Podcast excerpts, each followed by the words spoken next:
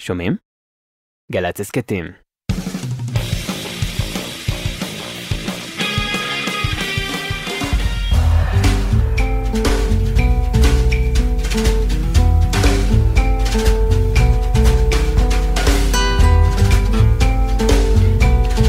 אהלן אהלן, שלום עליכם, ברוכים הבאים אל אה, זה המקום, אל זו השעה.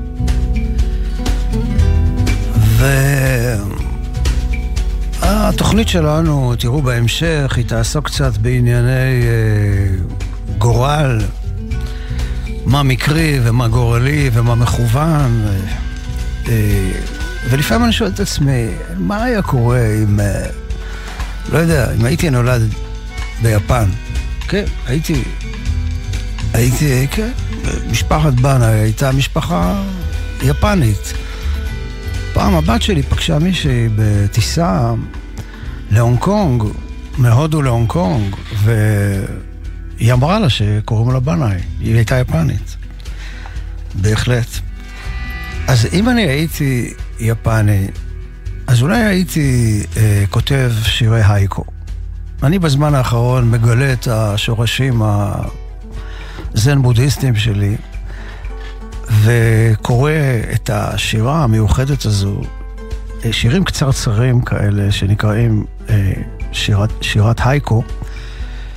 אז הנה שיר קצרצר, ואני אגיד תודה לאסתי ששלחה לי אותו, של אה, דוגן זנג'י.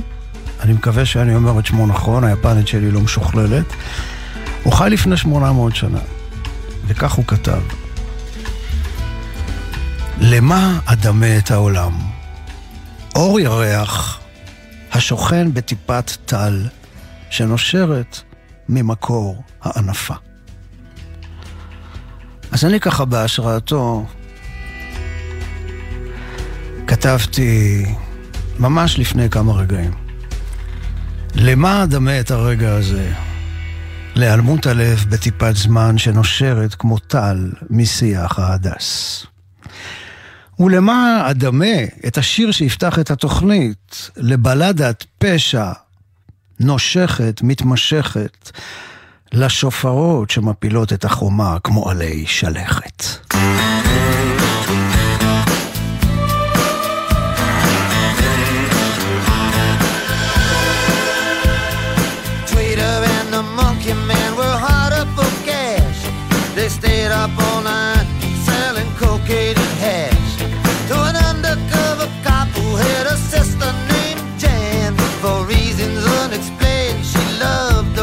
The man. Tweeter was a Boy Scout before she went to Vietnam and found out the hard way nobody gives a damn. They knew that they'd find freedom just across the Jersey line, so they hopped into a stolen car, took Highway 99.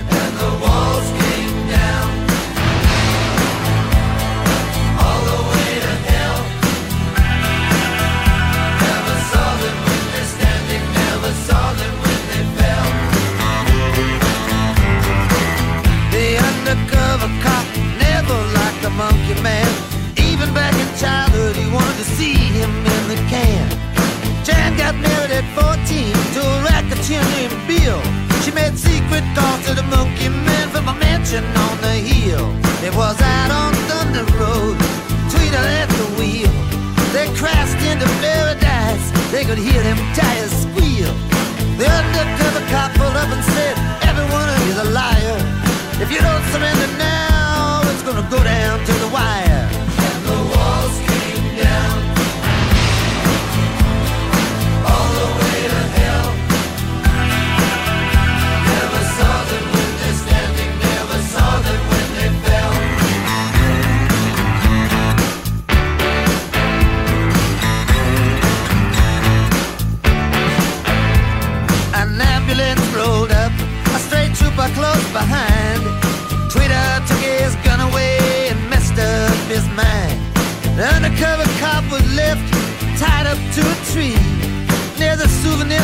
by the old abandoned factory.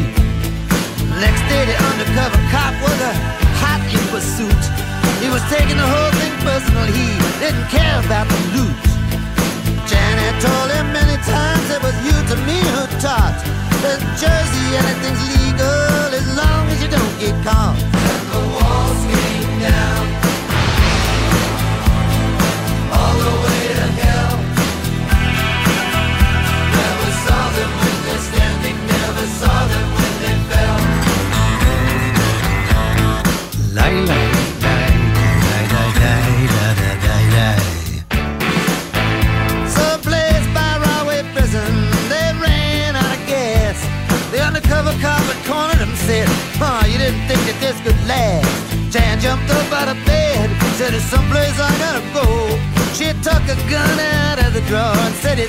that you don't know. The undercover cop was found face down in a field. The monkey man was on the river bridge using Tweeter as a shield. Jan said to the monkey man, I'm not fooled by Tweeter's curl. I knew him long before he ever became a judge."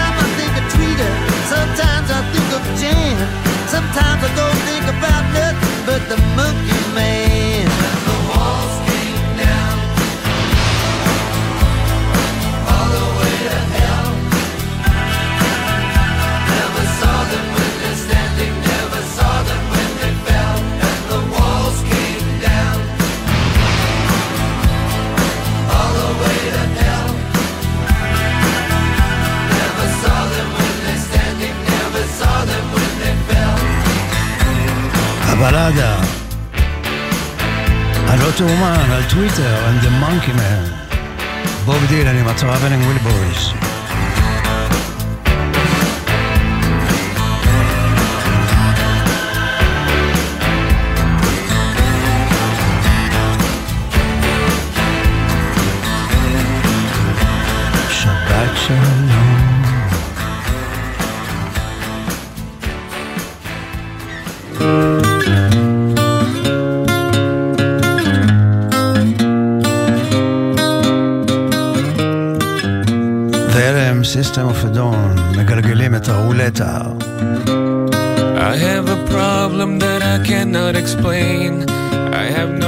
reason why it should have been so plain. Have no questions, but I sure have excuse.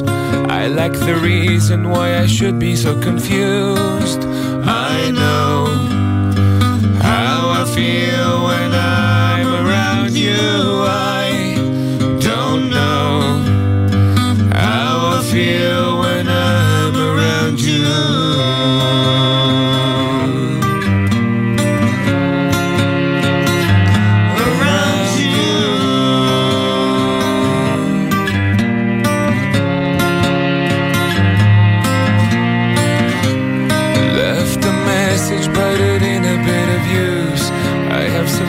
pictures, though what might be the deuce. Today you saw, you saw me, you explained.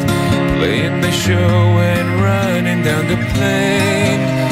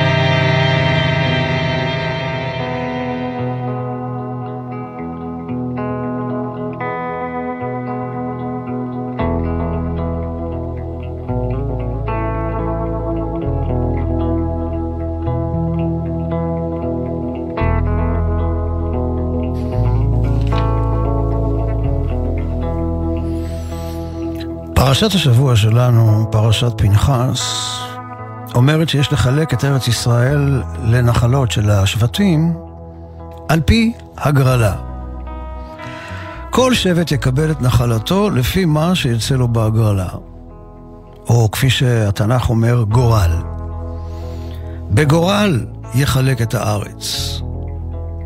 לשמות מטות אבותם ינחלו, על פי הגורל תחלק נחלתו בין רב למעט.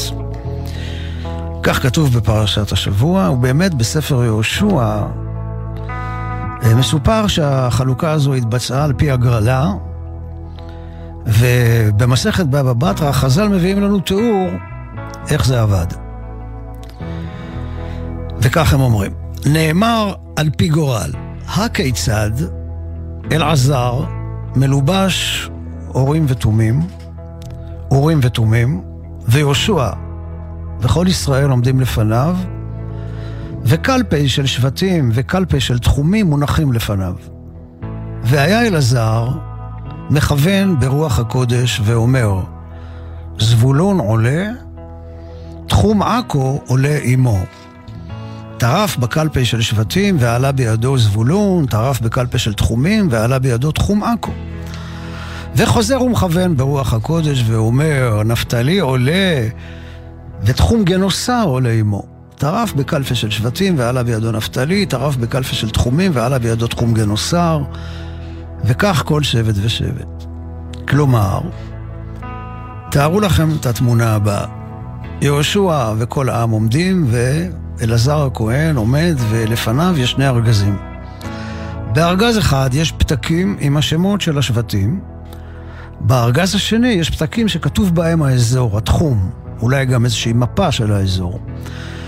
ומערבבים היטב היטב את הפתקים האלה בקלפיות, בארגזים האלה, ואז, אחרי שהכהן אומר, בעצם על פי רוח הקודש באורים בתומים, מה עומד לקרות, הוא שולף פתק מארגז השבטים, נניח שכתוב עליו זבולון, שולף פתק מארגז המפות, התחומים, יוצא אזור עכו, אז זבולון מקבל את אזור עכו, נפתלי את הכנרת וכך כל השאר. הגמרא אומרת שהפתק בעצמו היה משמיע קול ואומר את מה שיצא. פלאי פלאים, פתק מדבר. אבל לפני שאלעזר שלף את הפתקים מהקלפיות האלה, הוא ראה ברוח הקודש בעזרת האורים והתומים את החלוקה. והייתה באמת התאמה מוחלטת בין מה שעלה בגורל לבין מה שנראה לו באורים ותומים. אומר הרב קוק, תוכנית עלומה וגנוזה בחיק הנסתר אמורה להתגלות על ידי הגורל. הגילוי של הגורל הוא הגילוי של הרצון השמימי.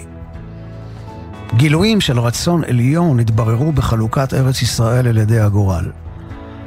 היחס בין בני השבט, בין עניינם הפנימי ותכונותיהם, לבין החלתם בארץ, אקלים האזור, סגולותיו וכיוצא בזה, כל זה גנוז בכבשונה של הולדת הלאום. רק הגורל יוכל להוציא מחיקה של יצירה זו את החלק המיועד לשבט.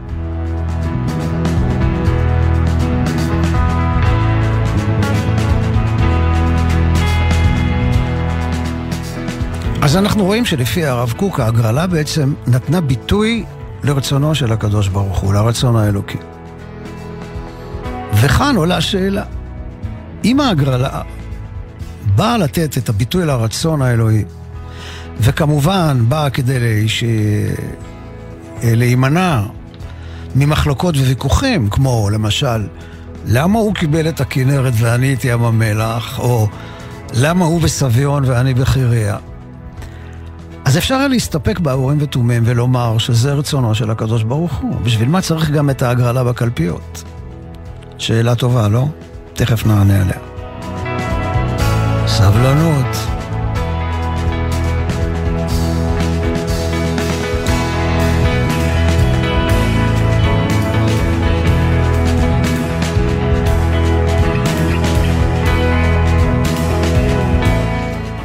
ככה, כדי לענות על השאלה הזאת, למה בעצם צריכים את ההגרלה בקלפיות, צריך לשים לב למה שמשותף בין שתי מצוות, המצוות היחידות בתורה שנקבעות על פי הגרלה. זה ההגרלה של השעירים ביום הכיפורים והגרלת הנחלות לשבטים. אלה שתי המצוות היחידות בתורה שיש בהן שימוש בגורל. בעבודת יום הכיפורים היו מקריבים שני שעירים, אה, אחד להשם ואחד לעזאזל. והכהן היה מוציא מתוך הארגז, מתוך הקלפי, אחרי שערבב אותו היטב, שני פתקים. אחד היה כתוב עליו להשם ואחד לעזאזל, והוא היה מניח את הגורלות על המצח של שני השעירים. אחד עמד לימינו ואחד לשמאלו. מה שעלה ביד ימין הוא הניח על השעיר של ימינו, ומה שעלה ביד שמאל על השעיר של שמאלו, כשהוא לא יודע, עד שהוא לא מוציא את הפתקים, הוא לא יודע מה יהיה כתוב שם. ואז כל שעיר הולך לגורלו, אחד לבית המקדש ואחד אל כיוון ים המלח ואל הצוק שנקרא עזאזל. אבל שני השעירים האלה הם כפרה לכלל עם ישראל ביום הכיפורים. שניהם נושאים איתם את כלל העוונות של כל עם ישראל. באופן דומה אפשר לומר שהחלוקה של שטחי הארץ לנחלות באה לומר שגם אחרי החלוקה לכל שבט, השבט לא נושא באחריות ובבעלות רק על הנחלה שלו, אלא יש לנו כאן שותפות גורל כוללת על כל ארץ ישראל, גם אחרי החלוקה. כל השבטים הרי היו באותו ארגז של הקלפי, וגם אחרי החלוקה כולם שייכים לכל מקום. הפתקים בארגז באים לומר שיש שותפות גורל לכל עם ישראל. בעצם כל אחד היה יכול להיות בכל מקום, ולכאורה רק במקרה, הוא שם ואני כאן.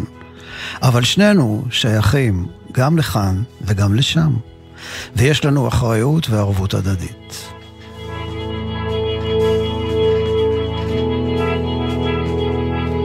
על אותו משקל אפשר לומר שיש שותפות גורל האנושות כולה. הגורל גורם לכך שעם אחד יושב במקום מסוים ועם אחר במקום אחר. יהיה מרוחק ככל שיהיה. אבל כידוע, כשמישהו מתעטש ומקבל קורונה בסין, זה משפיע גם על רמת גן, וגם על ניו יורק, וגם על פתח תקווה, וגם על בונוס איירס. כולנו פתקים באותו ארגז. כולנו מסתובבים על אותו הכדור.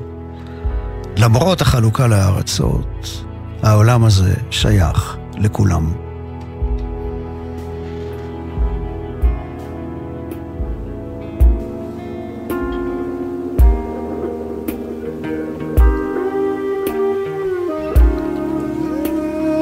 מתחלק לאולפן ככה בשקט שכזה, ג'ון מרטין.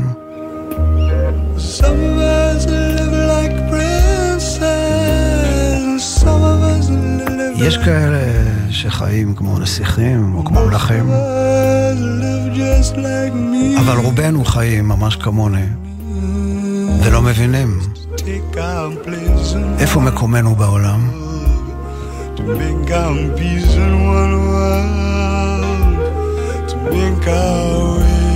איפה הדרך שלנו בעולם? עולם אחד. Two words that said I can't talk to you. No use crying, there's been no crime. I said it's just the way the wind blows.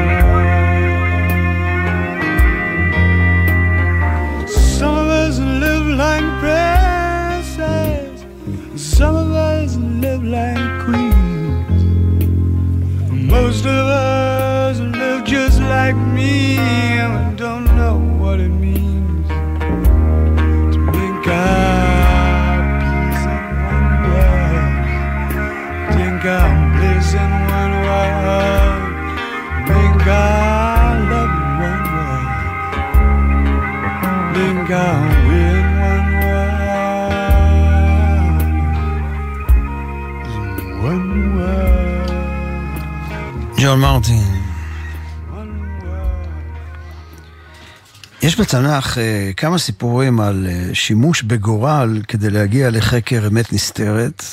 אה, בחרתי אחד מהם שמתרחש בימי המלך שאול, שהוא והעם נלחמים עם הפלישתים, אבל המלחמה אה, נפתחת במצב לא טוב כל כך. אה, לעם ישראל, אין להם נשק, יש רק 600 איש, המורל לא מי יודע מה. ואז יונתן עושה איזה פעולת קומנדו נועזת לבד, יונתן הבן של שאול, כן? והוא יוצר מהומה במחנה של הפלישתים, ואז יש שם איזה מין מומנטום כזה ששאול רוצה לנצל אותו כדי להמשיך את ההתקפה ולא לעצור, וכדי שבאמת אף אחד לא יעצור את ההתקפה, הוא מצווה לא לאכול. כן? לא עכשיו פתאום לעצור ולהוציא פתאום אה, לוף ולטגן אותו אה, ולאכול אותו במסטינג או משהו כזה, לא. הוא אומר, ארור האיש אשר יאכל לחם עד הערב. הלוחמים ששמעו את הציווי באמת לא אכלו כל היום, אבל יונתן, הבן של שאול, לא שמע את הציווי ואכל מיערת הדבש ביער. בהמשך המלחמה, שאול מבקש לשמוע את דבר השם מן האורים והתומים, כמו אלעזר הכהן שהזכרנו קודם, אבל אין תשובה. ענה לי, לא עונה לי. הקו או תפוס או מנותק, אין קשר. שאול מבין שזה היה כתוצאה מאיזושהי טעות או חטא, והוא מפיל גורל כדי לדעת מי היה החוטא. הוא בטוח שהוא לא חטא, וגם יונתן, הוא בטוח שיונתן לא חטא, ולכן הוא מחלק את המחנה לשניים. יונתן והוא בצד אחד וכל העם בצד שני, וככה בספר שמואל כתוב, ויאמר שאול אל השם אלוהי ישראל, הווה תמים, וילכד יונתן ושאול, והעם יצאו, ואז להפתעתו, מי שנלכדים בתוך הגורל הזה, זה הוא והבן, ולא כל שאר העם, ואז הוא אומר, הפילו את הגורל, כן, ביני ובין יונתן, בני, וילכד יונתן. ויאמר שאול ליונתן, הגידה לי, מה עשית? ושנונתן אומר לו, טעום טעמתי בקצה המטה אשר בידי מעט דבש. זה הכל. הילד אכל קצת דבש, ריבונו של עולם, והוא עכשיו, יונתן אומר, הנני אמות, מוכן למות. שאול, כן, הוא לא רוצה לעשות פרוטקציה לילד, לפני כל העם, הוא אומר, כה יעשה אלוהים וכה יוסיף, כי מות תמות יונתן. איי איי איי, אבל כאן למרבה המזל, העם, העם הזה שומע את דברי שאול, מתקומם על מותו של יונתן, ואומר לו ככה, ויאמר העם אל שאול, היונתן ימות? הוא אשר עשה את הישועה הגדולה הזאת בישראל, חלילה, חי השם אם יפול משערות ראשו ארצה. הלא בזכותו אנחנו ניצחנו, עשה לנו ישועה, אתה רוצה להרוג אותו? בקשת העם אכן נענתה, שאול מוותר על השבועה שלו ונותן לעם כן, לפדות את יונתן בנו, ויפדו העם את יונתן ולא מת. ומכאן אה, השיר הזה של נתן יונתן, ששר צביקה פיק, מת אב ומת אלול, נאסף תשרי, ויונתן ויערת הדבש. ויונתן ויערת הדבש. ומת חומם, גם נאסף תשרי ומת עמם. רק נשארה גחלת עמומה של אהבת הקיץ הקדומה, של אהבת הקיץ הקדומה.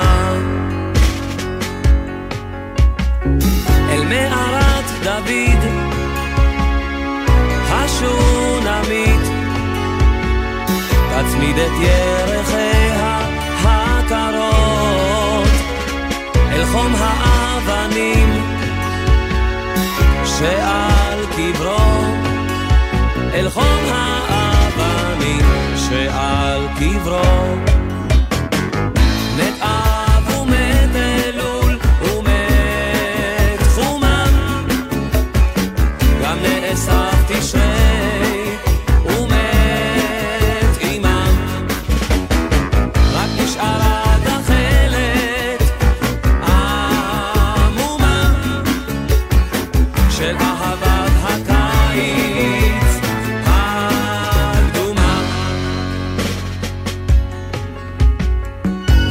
נעצר, הולך ותר, כמו שאול.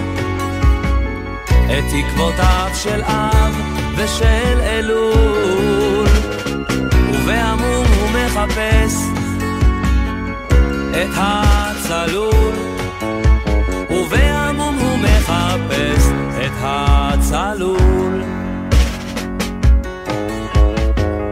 לך ילד לך, בסוף המערב, בין ים ויבשה, בין אב לסתיו, יהיה אור שלך יאיר, בין חטאיו, יהיה אור שלך יאיר, בין חטאיו.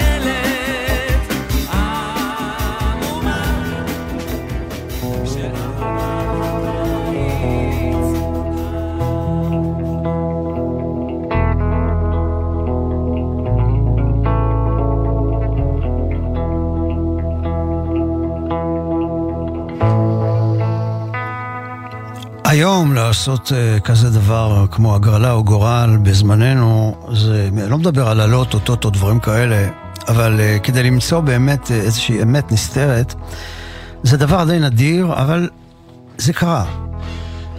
Uh, סיפור באמת מעניין קרה מספר חודשים אחרי uh, הסוף של מלחמת יום העצמאות, סוף שנת 1949, כשהובאו למנוחות הגופות של נופלי גוש עציון, לוחמי מחלקת הל"ה, הם הובאו לקבורה בהר הרצל והיה צורך בזיהוי שלהם, ורק 23 גופות מתוכן זוהו, ועל 12 מצבות לא צוין שם. המשפחות שהבנים שלהם לא זוהו פנו אל הרב אריה לוין וביקשו ממנו שיערוך טקס קבלי הנקרא גורל הגר"א, גורל הגאון מווילנה, שבאמצעותו אולי אפשר יהיה לזהות את הגופות. אז זאת שיטה אה, שבאמת מיוחסת אה, לגאון מווילנה, שנערכת באמצעות פתיחת ספר תנ"ך באופן אקראי, וקישור פסוקים שמופיעים בעמוד שנפתח לשאלה העומדת על הפרק. זה דבר כבד משקל, הרב לוין בהתחלה לא רצה לעשות את זה, אבל אחרי שהוא שוכנע שהדבר מאוד חשוב למשפחות החללים, הוא הסכים. העיתונאי יצחק דייש מתאר את המעמד. היה זה יום חמישי, שעת לילה. עלו לישיבה אשר בעליית הבית הקטן והצנוע של רבי אריה בשכונת משכנות. בהיכל השרוי בחשיכה הודלקו י"ב נרות אשר האירו את קיר המזרח, שארון הקודש ניצב לידו. הנוכחים היו רבי אריה ואימו חתנו ובנו, ומבין ההורים השכולים נמצאו שניים, מר ראובן מס ומר יצחק דוב הכהן פרסיץ. הם פתחו באמירת תהילים. דממת קודש שררה בהיכל, הנרות הדולקים הוסיפו למעמד נורא זה. פתחו את התנ"ך מבלי לדעת ולכוון דף ועמוד. לאחר כל פתיחה הלעלו שוב דרך עלמא שבע פעמים, וכך חזרו על המעשה שבע פעמים, וקבעו שלפי אשר יימצא, ייקבע של מי הוא קבר פלוני. לפני שיסמנו בו את המצבה. וזה הכלל הנקוט, הפסוק האחרון בעמוד צריך לכלול את שמו, או רמז לשמו של אחד מאלה שמחפשים את זיהויו. ככה הוא מתאר את הטקס הזה, ובאמת בהתחלה הופיעו לרב אריה לוין מספר פסוקים כלליים שרמזו על השם הל"ה, ולאחריהם, למרבה הפלא, ללא הפסקה, הופיעו 11 פסוקים הרומזים על שמות החללים לפי סדר קבורתם שבתרשים. שם אחד לא הופיע, אבל היה קל לזהות אותו כי זה היה השם שלא הופיע. בחלק מהפסוקים הופיע שמו המפורש של החלל, באחרים רמז ברור, וכך, בעזרת הטקס הקבלי הקדום הזה, הרב אריה לוין עזר בזיהוי חללי הל"ה. לפני המחנה, אחרון לדרך, אל העולם חזור, בועק כשכל.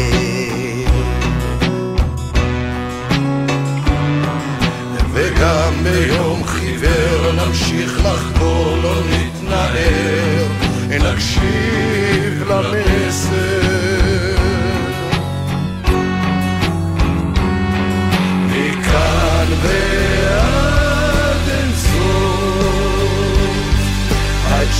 love.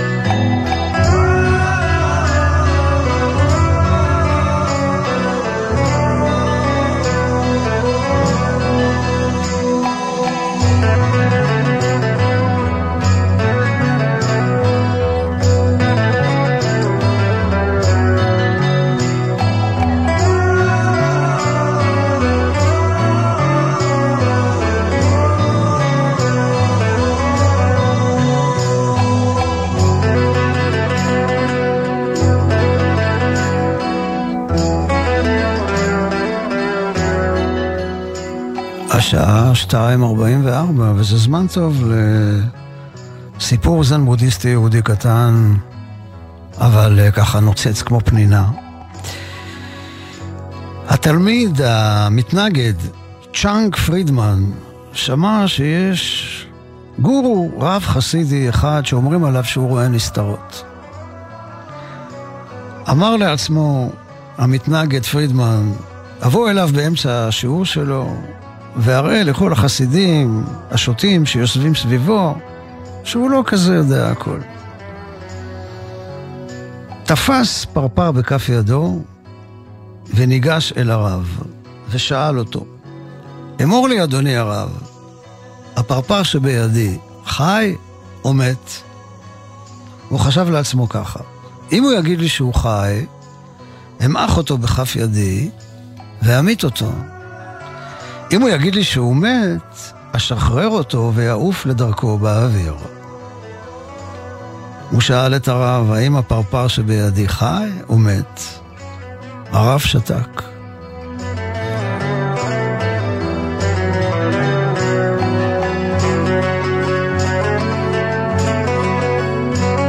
שתק, שתק, טוב.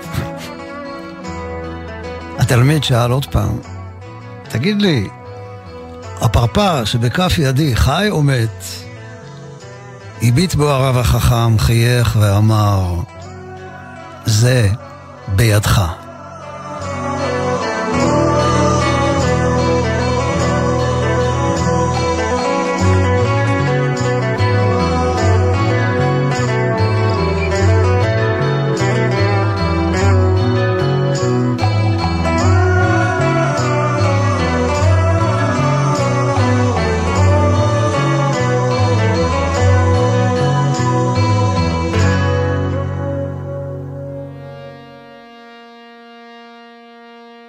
הבא נקרא ארץ אור.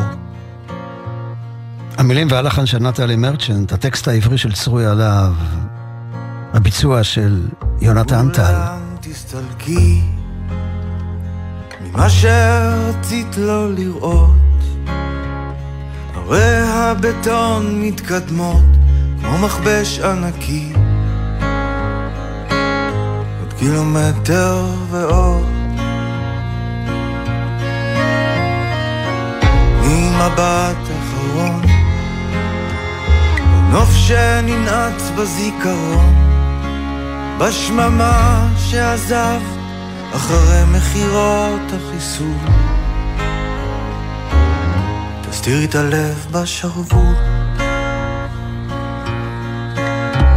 ארץ אור אהובה נדנדי הריסה של תקווה שירי לי שירי ארז תשכבי לידי אל תלכי. אל תלכי.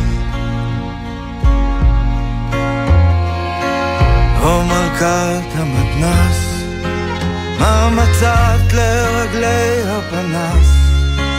בצע כסף עושק ומפקיר בקומבינה חולה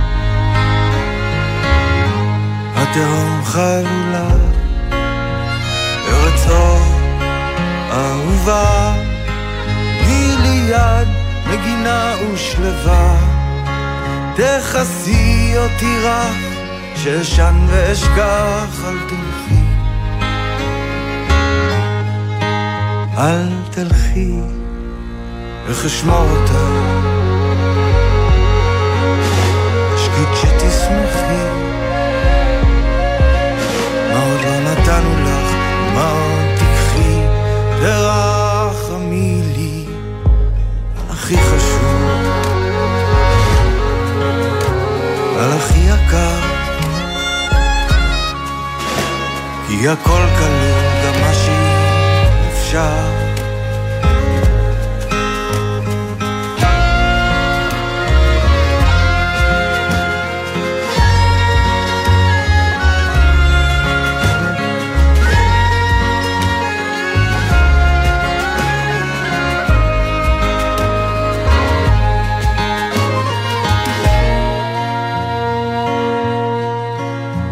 כן את שורדת על תוקפנית מה דוחק בי לדאוג לך תמיד? בלי אשמה, בלי בושה, חופשייה במרחב לא נשלט. איך זה להיות את? ארץ אור אהובה נדנדי הריסה של תקווה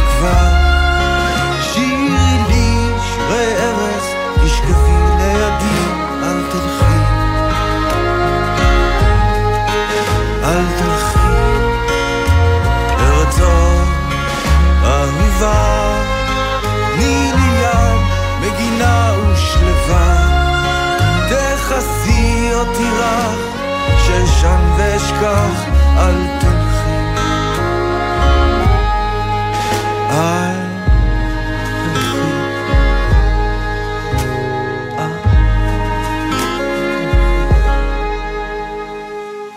יונתן טל, מקסים, שר את הטקסט העברי שצרויה להב כתבה לשיר של אה, נטלי מרצ'נט, ההפקה המוזיקלית של אביב בכר.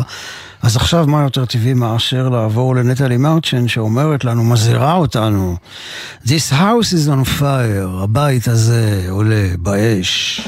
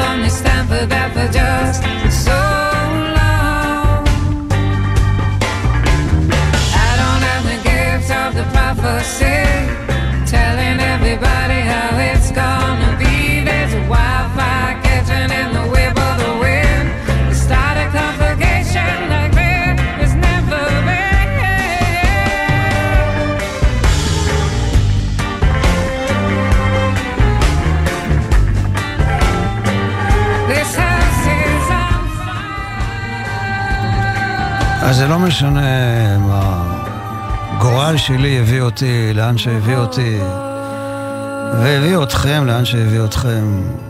יש לנו גורל משותף. אצל כולנו עכשיו השעה 2.54 ואנחנו הולכים לקראת שבת. ואני רוצה לספר לכם מעשה שהיה, וכך היה.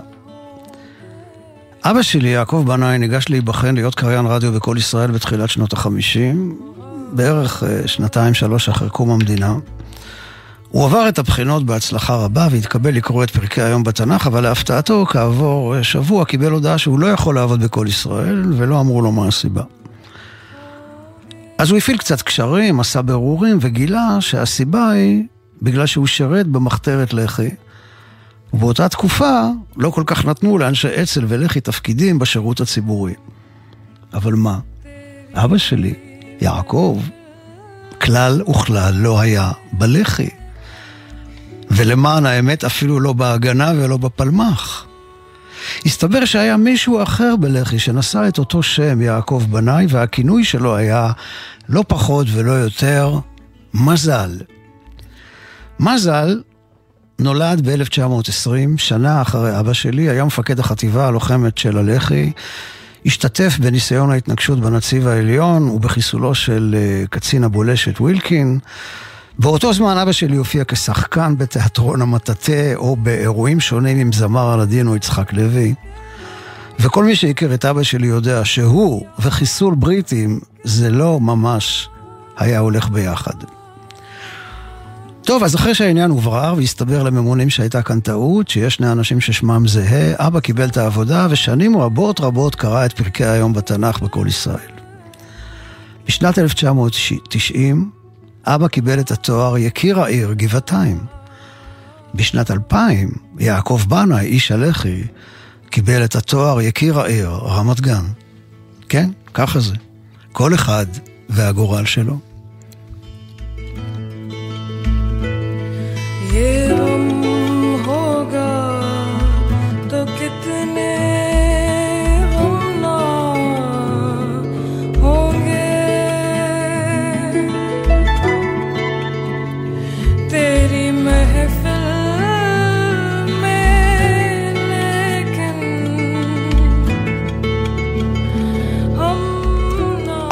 אחטב לוקחת אותנו, אפטב לוקחת אותנו לקראת סיום התוכנית. אני רוצה לומר תודה גדולה לזיו הני על הניהול הטכני.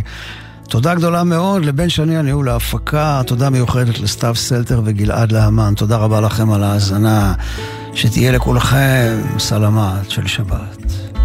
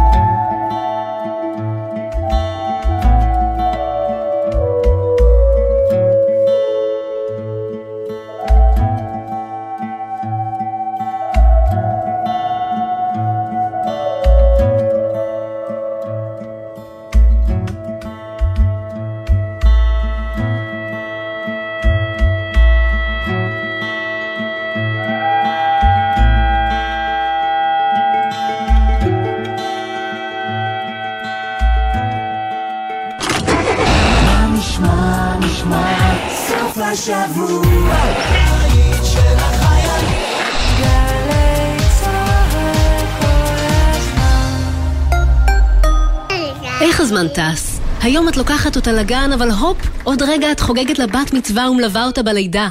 לא תזכרי שהיא פעם הייתה כל כך קטנה. אבל כדי שתגיעי לשם, יש דבר אחד שאסור לך לשכוח לעולם. אותה ברכב. מה עושים? לא מתעסקים בנייד בנהיגה. שמים ארנק או כל חפץ חשוב במושב האחורי. מסגלים הרגלים כמו שיחה לבן הזוג או לבת הזוג בשעת ההגעה ליעד. או מתקינים אמצעי טכנולוגי. אחרי שיוצאים מהרכב, מוודאים שלא שכחנו אף אחד. הרלב"ד. שישי בשש, סוף סוף קצת שקט. אפשר לשמוע ציוץ של ציפור, רשרוש של עיתון, נחירות של שנץ. אבל כדאי לשמוע את שש בשישי. אנשי תרבות, חברה וספורט באים לאולפן גלי צה"ל עם שש תובנות, גילויים חדשים או סיפורים אישיים מהשבוע החולף. והפעם, מולי שולמן, שש בשישי, הערב בשש, גלי צה"ל. מיד אחרי